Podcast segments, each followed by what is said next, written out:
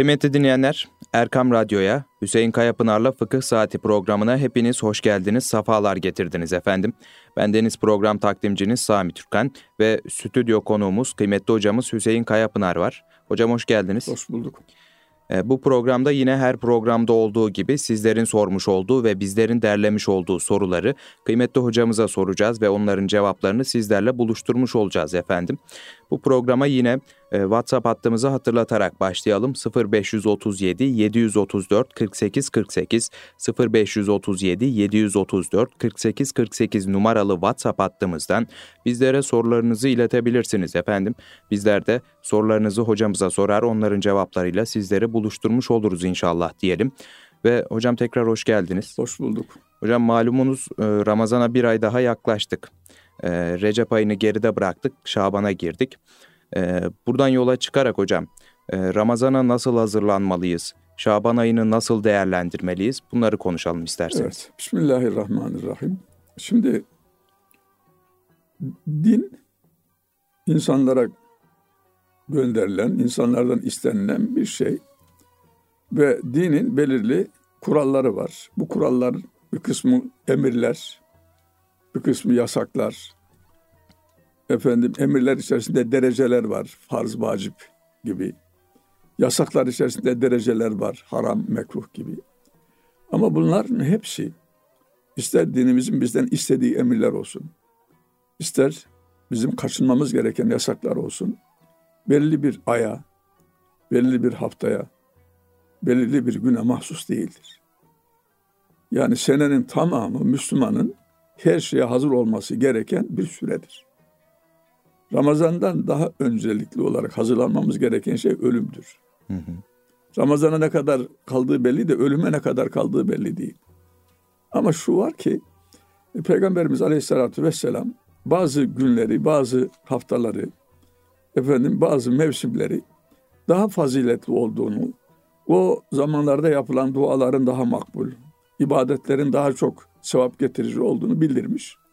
Ve biz onun bildirdiğine göre yani deriz ki yani şu gün faziletlidir, şu hafta faziletlidir, şu ayın değeri büyüktür deriz. Şimdi Resulullah'ın aleyhissalatü vesselamın e, önemli olarak gördüğü ve bize tavsiye ettiği üç aylar. Ki oradaki yani bu üç aylarla ilgili Efendimizin en e, bariz ifadesi Ya Rabbi Recep'i ve Şaban'ı bize mübarek kıl ve bizi Ramazan'a ulaştır anlamındaki Allahümme baruk lena barik lena recebe fi recebe ve şaban ve belliğine Ramazan. Bu dua. Ha şimdi bu dua şunu bize gösteriyor ki bu aylar önemli. Ha şimdi ve zaten bizim kültürümüzde özellikle bizim Türklerin İslam yaşantısında bu aylara çok önem verilir ve bu aylardaki bazı gecelere de önem verilir. Hı. Şimdi Recep'i geçirdik. Şaban'a girdik. Şaban'a girmemiz Ramazan'a bir ay kalması demektir. Ki Şaban'ın da bir iki, iki, üç, iki gün mü üç gün mü geçirdik. Bugün evet. kaçı? Üçü galiba. Ha, geçirdik. Ee, e, dolayısıyla bu Şaban'la ilgili tabi Peygamber Efendimiz'den tavsiyeler var. Şimdi Şaban ayında bir gece var. O geceyle ilgili ayrıca konuşuruz. Daha çok e, bizim Şaban'la ilgili şeyimiz o geceyle ilgili olur. Ama geneline baktığımız zaman Şaban ayının Peygamberimiz Aleyhisselatü Vesselam'ın Ramazan'dan sonra en çok namaz kıldığı ayın, şey, oruç tuttuğu ayın Şaban ayı olduğu ifade ediliyor. Yani Efendimiz Aleyhisselatü Vesselam Ramazan'dan başka hiçbir ayı baştan sona şey geçirmemiş. Oruçlu. Oruçlu geçirmemiş baştan sona. Ama en çok oruç tuttuğu ay Şaban ayı olmuş. Hmm. Zaten genel anlamda haftalık olarak tavsiye ettiği, aylık olarak tavsiye ettiği oruçlar var. Nedir bu? Pazartesi, perşembe oruçları. Bu Şaban'da da böyle, Recep'te de böyle, diğer aylarda da böyle. Sonra Eyyam-ı Bit dediğimiz ayın 13, 14 ve 15. günleri yani hı hı. Mesela Şaban'ın 13, 14, 15 gibi, Recep'in 13, 14, 15 gibi bu günleri tavsiye ediyor. Ama onun dışında da Şaban ayında çok oruç tutuyormuş. Peki niye Şaban ayında çok oruç tutuyor? E demek ki Şaban'la ilgili olarak Efendimizin e, verdiği bir değer var. Ve haliyle onun değer verdiği mevsim ay bizim için de önemlidir. E, tabii bu ibadetler bellidir. Yani dinimizde e, ne, ibadetin ne olduğunu Kur'an-ı Kerim ve sünnet belirlemiş. Onun dışındaki başka bir kaynak. Şu ibadette yapılacaktır şeklinde bir ibadet koyma hakkına sahip değil. Hani böyle bir mecburiyet tutmadan Resulullah'ın tavsiye ettiği zamanlardan daha çok namaz kılabilir. Nafile namaz. Daha çok oruç tutabilir ama şu günde şu tutulması lazım. Bugün de şu kadar namaz kılınması lazım deme hakkına sahip değil kimse.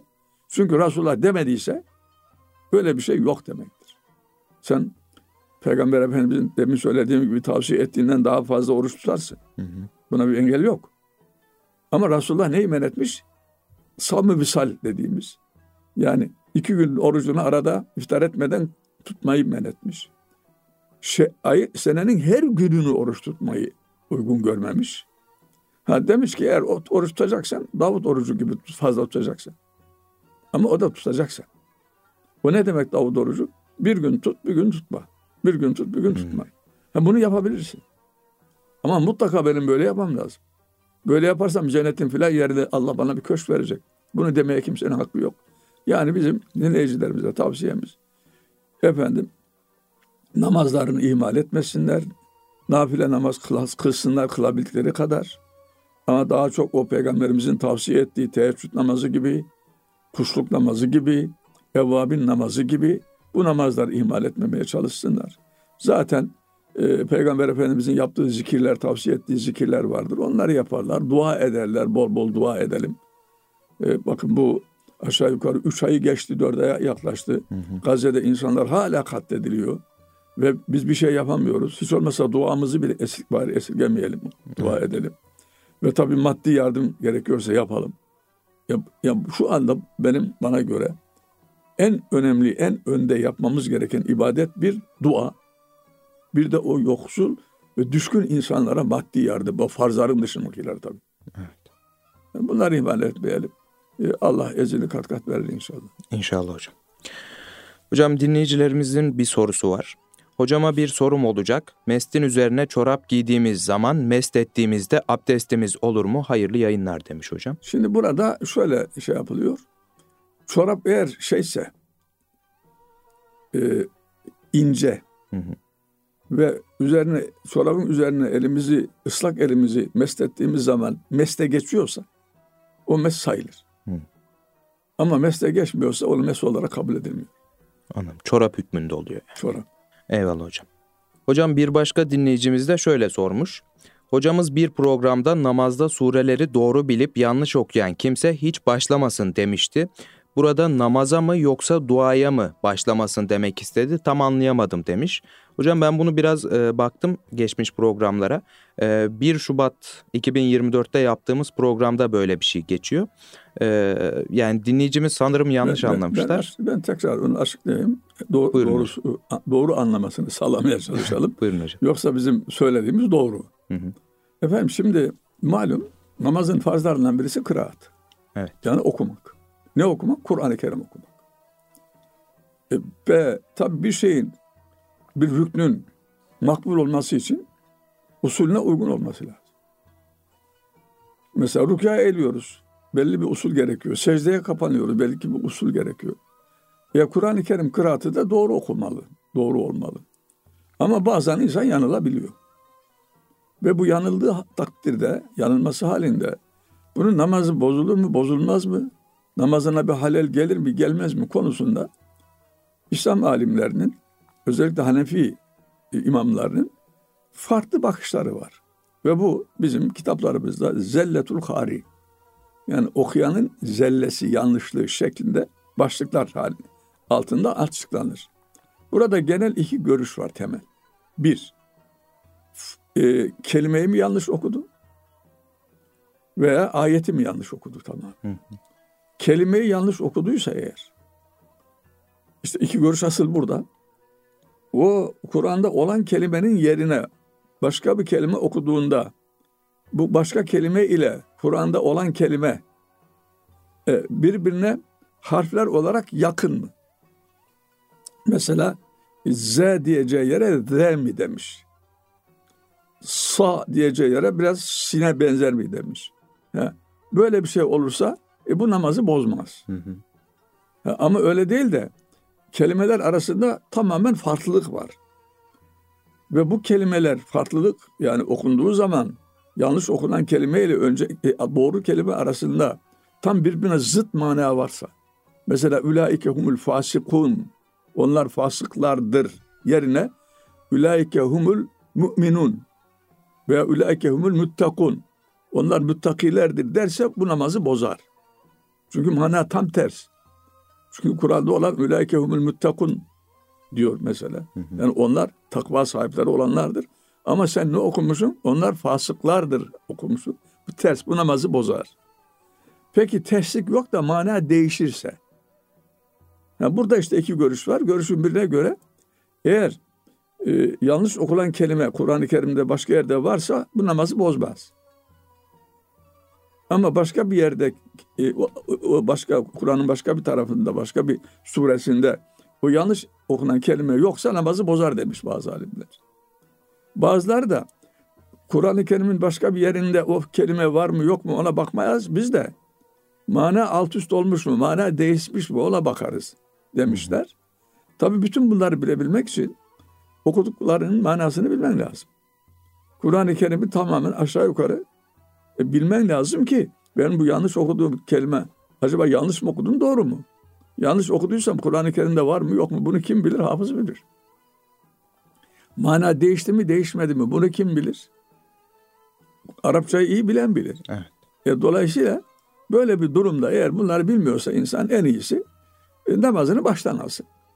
Doğru olarak tekrar okusun. Yanlış okulduğunu biliyor ise. Tabii kendisi farkında olmayabilir. Evet. Namaz bittikten sonra mesela aklına gelir. Aa ben bunu şöyle okudum. O zaman namazı yeniden kılar bu dediğim şekilde namazı bozul namazı bozulmuşsa. Yani bu sorudaki şekliyle bir cevabımız olmadı bizim dediğin gibi. Eyvallah hocam. Hocam kefaret orucu tutarken Ramazan'a denk gelen kimse ne yapmalıdır? Kefaret orucu malum e, kesintisiz devam etmesi lazım. Hı hı. Dolayısıyla e, iki ay, iki ay dolmadan Ramazan girerse Ramazan girdiği zamanki tutulan oruçlar Ramazan orucudur. Ramazan ay içerisinde başka bir niyetle oruç tutulmaz. Kaza tutamazsın Ramazan gününde. Nafile tutamazsın, kefaret de tutamazsın. Dolayısıyla eğer iki ay dolmadan önce başlamış diyelim ki üç ayların başında başlamış ama geç başlamış farkına varmamış. 58 gün ve 57 gün olmuş Ramazan girmiş. Bunun baştan yeniden alması lazım hmm. daha sonra. Çünkü Ramazan ayında ki tutulan oruçlar sadece Ramazan orucudur. O fazla olan oruçtur. Çünkü o muayyen bir vakittir o oruç için. Onun yerine başka bir oruç tutamazsın. Ee, ama işte adam hasta olmuş. Ramazan'da işte hasta oruç tutmayabilir ya Ramazan hmm. orucu. Hastayken kefaret tutsa olur mu filan. Bu tartışmalar olmuş ama e şimdi oruç tutacak kadar sağlıklı ise zaten Ramazan orucu tutması lazım. Evet. E şimdi oruç tutacak kadar sağlıklı değilse kefareti de tutamaz. E, dolayısıyla hastalığın dahi buna mani olmaması gerekir. E, yani ne olacak şimdi? E, baştan alacak. Eyvallah hocam. Bazı buna çare üretenler olmuş. Yani efendim yolculuğa çıkar. Hı. Yolculuğu da oruç tutması şart değil. Efendim, yani Ramazan tutması şart değil. Ve yolcu iken o kefareti tamamlar. Ondan sonra memleketine döner, Ramazan'a başlar filan şeklinde buna çare arayanlar olmuşsa da bunlar e, ittifak edilen, herkesin kabul ettiği şeyler, sonuçlar değil. Eyvallah hocam. Hocam gündemde şu anda e, biliyorsunuz devletin gençlere vereceği bir evlilik kredisi var. E, bununla ilgili bir sorumuz var şimdi. Devletin gençlere verdiği evlilik kredisini almak caiz midir hocam? E şimdi devletin verdiği her şey alınabilir. Hı. Ama devlet de birine bir şey verirken e, toplumun, milletin menfaatini dikkate almalı. Evet, yani gençlerin evlendirilmesi fevkalade önemli bir şey. Evet. Çünkü bu e, hem fıtratın gereği hem peygamberimizin tavsiyesi. Ve ümmetin devamı da buna bağlı. Yani Müslümanlar evlenecek ki nesil sahibi olsunlar. Ve bu nesiller de bu İslam'ı devam ettirsin. Bu, bu bakımdan evlenme fevkalade önemli. Ve eğer kişiler maddi imkansızlık yüzünden evlenemiyorlarsa devletin bunlara şey yapması da destek çıkması, yardım etmesi o da yerinde bir hareket olur. E niye? Çünkü burada toplumun menfaati var. Şimdi şöyle bir kural var fıkıhta. Tasarruful imami menutun bil maslahati el amme. İmam dediği şey devlet başkanı. Yani devletin toplumu, devletin tasarrufu genel toplumun maslahatına uygun olması lazım. Ona bağlıdır. E burada bir maslahat var ama hali vakti yerinde olanla yerinde olmayanı ayırmak lazım. Çünkü birilerine yapılan yardım, devlet tarafından yapılan yardım, devletin kendi parası değil, milletin parasıdır. Ve milletin parasını sarf ederken de e, o paraya ihtiyacı olmayanlara değil, gerçekten ihtiyacı olanlara o yardım yapılmalı ki yeri geldiği zaman bu devletin vazifesi oluyor zaten. Ama hiçbir ayrım yapmadan efendim ben evleneceğim diye müracaat edip de her ayrım şey müracaat edene belli bir miktar para verilirse e, o zaman diğer taraftaki milletin ona hakkı geçiyor. Yani burada bu ayrım yapılmalı bence. Yani ihtiyacı var, ihtiyaç sahibi mi değil mi? Bu sadece bu alanda değil. Devletin fertlere yaptığı her alanda. Devlet sosyal devlet olarak bir takım maddi yardımlar yapıyor insanlara. Efendim mesela bir zamanlar kömür yardımı vardı. Meşhur hala devam ediyor bilmiyorum. Ediyor. Veya şey var, yaşlılık aylığı var veya hastalık aylığı var vesaire. E bunları verirken bir defa buna ihtiyacı olmayanın başvurmaması lazım Müslüman olarak. Hı. Devletin de bunları iyice şey yapması, incelemesi ve gerçekten ihtiyaç sahibine vermesi lazım. Ben öyle düşünüyorum. Çünkü burada o para herhangi bir kişinin parası değil o insanlara verilen para. Bunlar içinde derler ya tüy bitmedi, bitmedik yetimin hakkı. Hı hı. E, onların hakkının zayi edilmemesi lazım. Eğer ihtiyaçlı ise gerçekten evlenebilmesi için bir gencin bu paraya ihtiyacı varsa devletin bu yardımı yapması çok tabiidir, normaldir, yerindedir. Bir de şunu gözden kaçırmamamız lazım. Evliliklerde hayatın başka alanlarında da öyle ama israfa gitmemeli. Gereksiz masraflar, gereksiz harcamalardan uzak kalınmalıdır. Yani bir taraftan milletin bir kısmı zar zor geçinirken sen devletten para alarak lüks bir e, düğün yaparsan ve efendim evin zaruri olmayan ihtiyaçlarını o parayla almaya kalkarsan bu da bir sorumluluk meselesi. Yani konu ince bir konu. Evet. E, iki tarafı var. Bir o parayı alacak olan taraf, bir de o parayı verecek olan taraf. Parayı verecek olan aslında millettir. Hı hı. Devlet millet adına onu veriyor demektir. Hassas davranmak lazım. Eyvallah hocam. Hocam aboneliklerde alınan güvence bedeli ve abonelik iptal durumlarında alınan fark faize girer mi?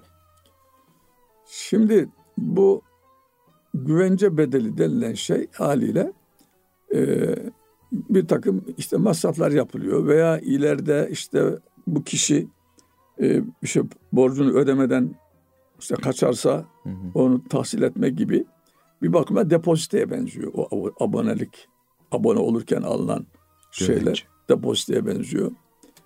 Ee, ve depozite ile ilgili tabi bizim e, fıkhi kaynaklarda bir bilgi yok. Hı hı. Yani eskiden böyle şimdiki gibi e, kiracılık yaygın değildi. Ha, nerede kira? Arazi kirası vardı. Yani adam tarlası var ekemiyor. Birine kiraya veriyor. Bu, bu vardı. Bununla ilgili hükümler var kitaplarında. Evle ilgili kira icare bahsinde yer alır. Ama o kiracılık özellikle ev ve dükkan kiracılığı şey kadar yaygın değil. Ee, şimdiki kadar yaygın değil. Ve o zaman da insanlar güvenilir insan. Yani hak yemez, hukuk yemez. Dolayısıyla da depoziteye ihtiyaç duyulmaz. Ve depozite ile ilgili bir hüküm yok. Şimdi güvence bedeli de depozito olduğu için buradan giriyorum şey. Ama böyle bir şey olmadı, böyle bir şey yok tarihte diye bu caiz değil mi dememiz lazım? Hayır onu diyemeyiz. Eğer şartlar gerektiriyorsa, efendim maslahat gerektiriyorsa, örf yaygınlaşmışsa e, depozito alınabilir. Depozito niye alınır? İşte şu şu şu durumlarda o ev mal sahibinin hakkını korumak için alınır. Ve o mal sahibinin hakkı zayi olmamış ise kira süresince ne olacaktır? Aldığı depozitoyu geri iade edecektir. Ha, or- bu burada zamanımızda şöyle bir problem var. Para sürekli değer kaybediyor. Senin beş sene önceki verdiğin bin lirayla e, bugünkü alacağın bin lira aynı değil. Beş sene önceki verdiğin bin liranın yerine bugün en azından beş bin lira alman lazım. Depozito verirken ve alırken bunlara dikkat edilmeli. Ya sabit bir şey mesela altın depozito olarak alınabilir. Veya üç aylık denilebilir, iki aylık denilebilir ve süre bitiminde o kadarlık kira bedeli alınmaz ve bunlara yapılabilir. Şimdi abone, aboneliklerde bu. bu. Hı hı. Zaten e, bildiğim kadarıyla aboneliklerde mesela 10 sene önce elektrik için abone olmuşsun, para yatırmışsın. Şimdi aboneliğini bitireceğin zaman senden bakıyor eğer borcu yoksa o 10 sene önceki verdiğin 50 lirayı vermiyor, vermiyor daha fazla veriyor para. Hı. Yani onu dikkate alıyorlar. Yani şimdi abonelik iptalinde e, şey yapılabilir mi? Fark alınabilir. Fark alınabilir mi? E, bu alınmaması lazım. Yani bu evet bir sözleşmedir ama o sözleşme e, sonuna kadar illa herkesin devam ettireceği diye bir imkan şart da yoktur. Ya adam kiracıdır, abone olmuştur, bir sene sonra tayini çıkmıştır, gidecektir. Ya o gitmek zorunda keyfi olarak iptal etmiyor. Sonra aboneliği iptal ettirdiğin zaman e, o kuruma bir zarar vermiyorsun ki senden sonra bir başkası ona aboneliğe devam ediyor. Yani bana bu abonelik iptal abonelik iptalinde verilenden daha fazla bir şey yani daha önce verilenden hı hı. daha fazla bir şey isteniyorsa benim kanaatimce doğru olmaz. Eyvallah hocam. Hocam peki vadeli satışlarda fiyat farkı alınabilir mi? Alınabilir. Yani o fiyat farkı demeyelim de ona vadeli satıştaki satış bedeli. Hı. Yani şimdi ne oluyor vadeli satışlarda? E, bu diyor peşin alırsan diyor bu 100 lira. Hı hı. Ama diyor ki 6 ay vadeli de al, ver, alabilirim. O zaman 120 lira diyor. Adam diyor ki ben vadeli almak istiyorum. Öyle mi? O zaman 100 lira kenara konuyor. 120 lira üzerinden anlaşma yapılıyor. Burada şimdi o 20 lira o 100 liranın 6 aylık faizi değil. Ya o 120 lira 6 ay sonra ödeyeceğin bedeldir o şeyin aldığın. Yani faiz olması için verilenle alınacak olanın aynı cinsten olması lazım. Verilenle yani borçluya verilenle borçludan alınacak olan şeyin aynı cinsten olması lazım. İkisi de para olacak mesela. İkisi de aynı cinsten altın olacak. Ya burada vadeli satışta ne oluyor, yapıyor? Sen elbise alıyorsun, kumaş, elbise, yerine para veriyorsun. O elbiseyi bin liraya da alabilirsin, beş bin liraya da alabilirsin. Bu tamamen anlaşmaya bağlı bir şey. Ya ama diyor ki satıcı kardeşim vadeli alırsan ben bundan 1200 lira istiyorum alırım. Ama peşin alırsa birine veririm diyor. Sen de bunlardan birini tercih ediyorsun. Bunlardan birini tercih edip akti kesinleştirmek kaydıyla bu aradaki fark faize girmez. Ama satıcı peşin alırsa 1000 lira. Vadeli alırsan 1200 lira dedi. Sen de ben hadi ben de aldım dedim. Ha bu şey olmaz. Hı. Caiz olmaz mı? Niye? Hangisini aldın belli değil. Bunlardan birisinin kesinleşmesi lazım. Eyvallah hocam. Hocam günümüzde sosyal medya mecralarından kazanç sağlayan, gelir sağlayan insanlar var. E, bu bayağı yaygınlaştı. Sıradaki soru bununla ilgili bir soru hocam. Sosyal medya hesaplarından kazanılan paralar helal midir hocam? Şimdi ne yaptı da kazandı o parayı sosyal medyada? Ne yaptı da? Kumar mı oynattı? Yoksa insanların ahlakını bozucu şeyler mi yaptı, siteler mi yaptı, ne yaptı? Yani burada e, bu sosyal medya diye bir tahsis, yani özele indirmeden genele bakalım. Bir Müslümanın kazandığı paranın helal olması için ya bu bir sermaye karşılığı olması lazım. Veya bir emek karşılığı olması lazım. Veyahut da risk taşıması lazım. Yani ona elmal, evil amel, evit daman denir fıkıhta. Yani kazanç bu yollarla. Malla kazanılır. Nedir? Senin paran vardır. Mesela bana verirsin. Paranı ben çalıştırırım. Karı bölüşürüz. Sen malla kazandın şimdi para. Paranla kazandın. Ben emek verdim, emeğimle kazandım. Bir de yapılan işin risk taşıması lazım. Faiz haramdır. Çünkü risk taşımıyor. Fazlalık var ama ticarette risk var. Şimdi sosyal medyada bunlardan biri var mı? Adam ne yapıyor? Bir şey yapıyor, program yapıyor. Hı hı. Ha, bu emektir. Onun karşılığını alır. Ama şarap fabrikasında çalışan adam oradan ücret alırsa caiz olmaz, haram olur. Hı.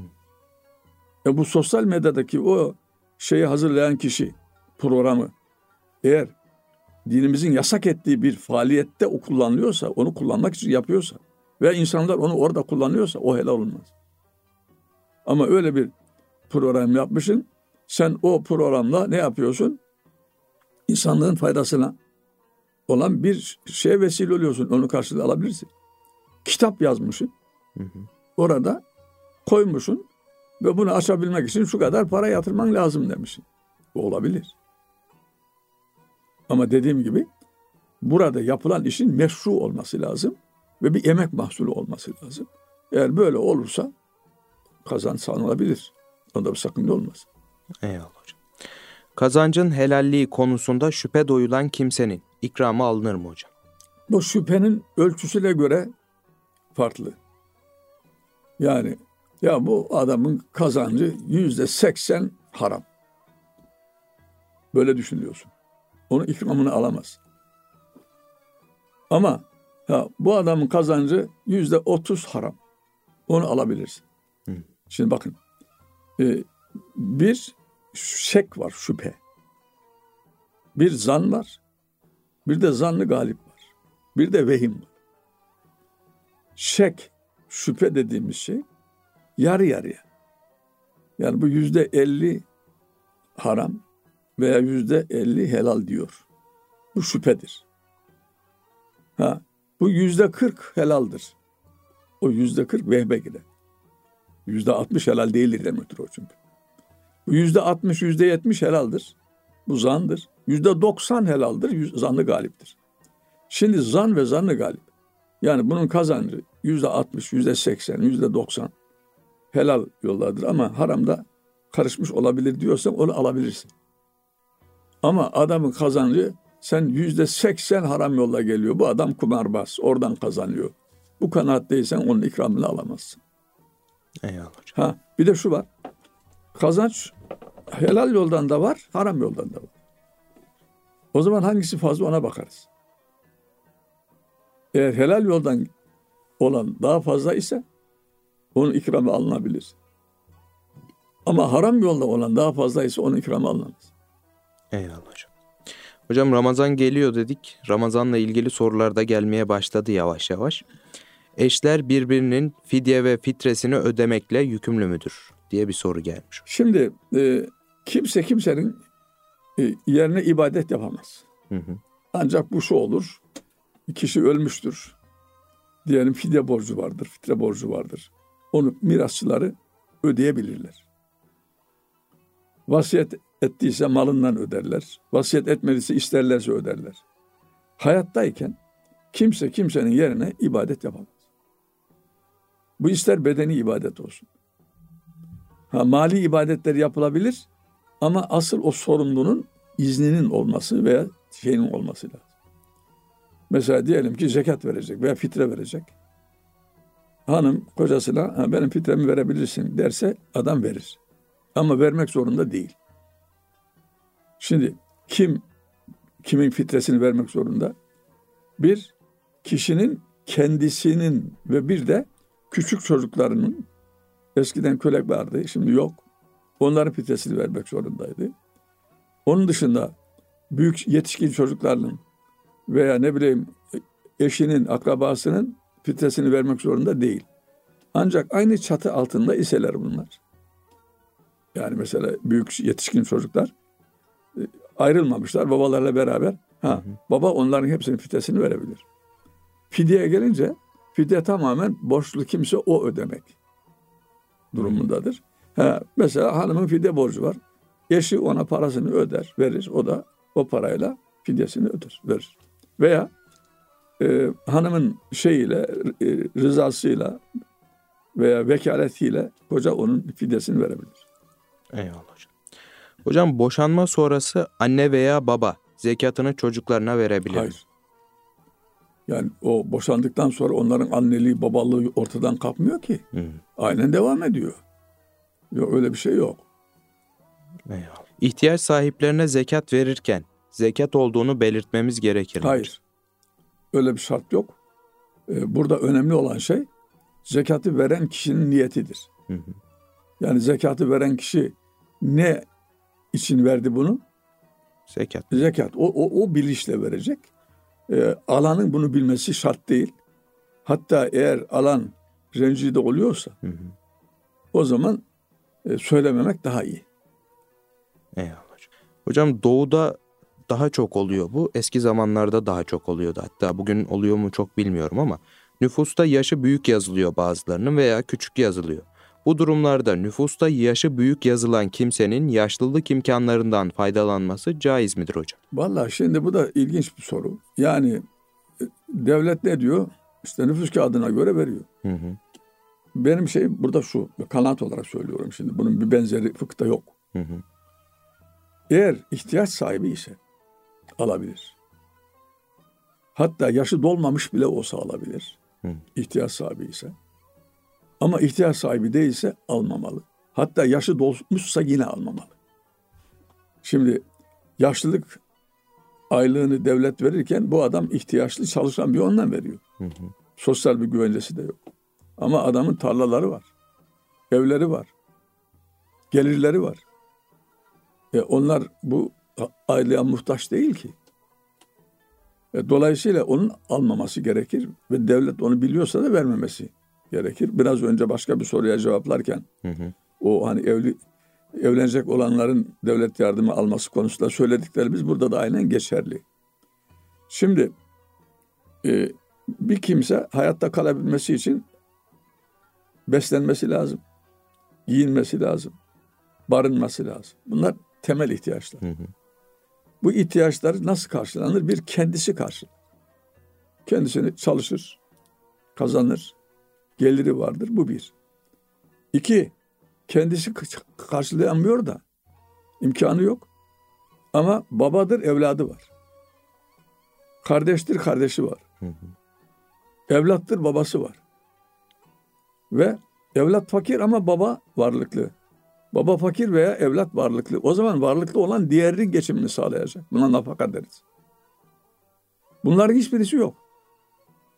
Adam kimsesiz, garip. İmkanı yok, gelir yok. Bunu da devlet karşılıyor. Yani adam sokağa atılmaz. Açlıktan ölmez kimse İslam, Müslüman bir toplum içerisinde. Ha, devlet bunu karşılayacak. E, dolayısıyla bu yaşlılık aylığı konusunda da e, yapılıyordur herhalde. Yani devlet her müracaat edene al şu parayı demiyordur. Hı hı. Araştırıyordur muhtemelen.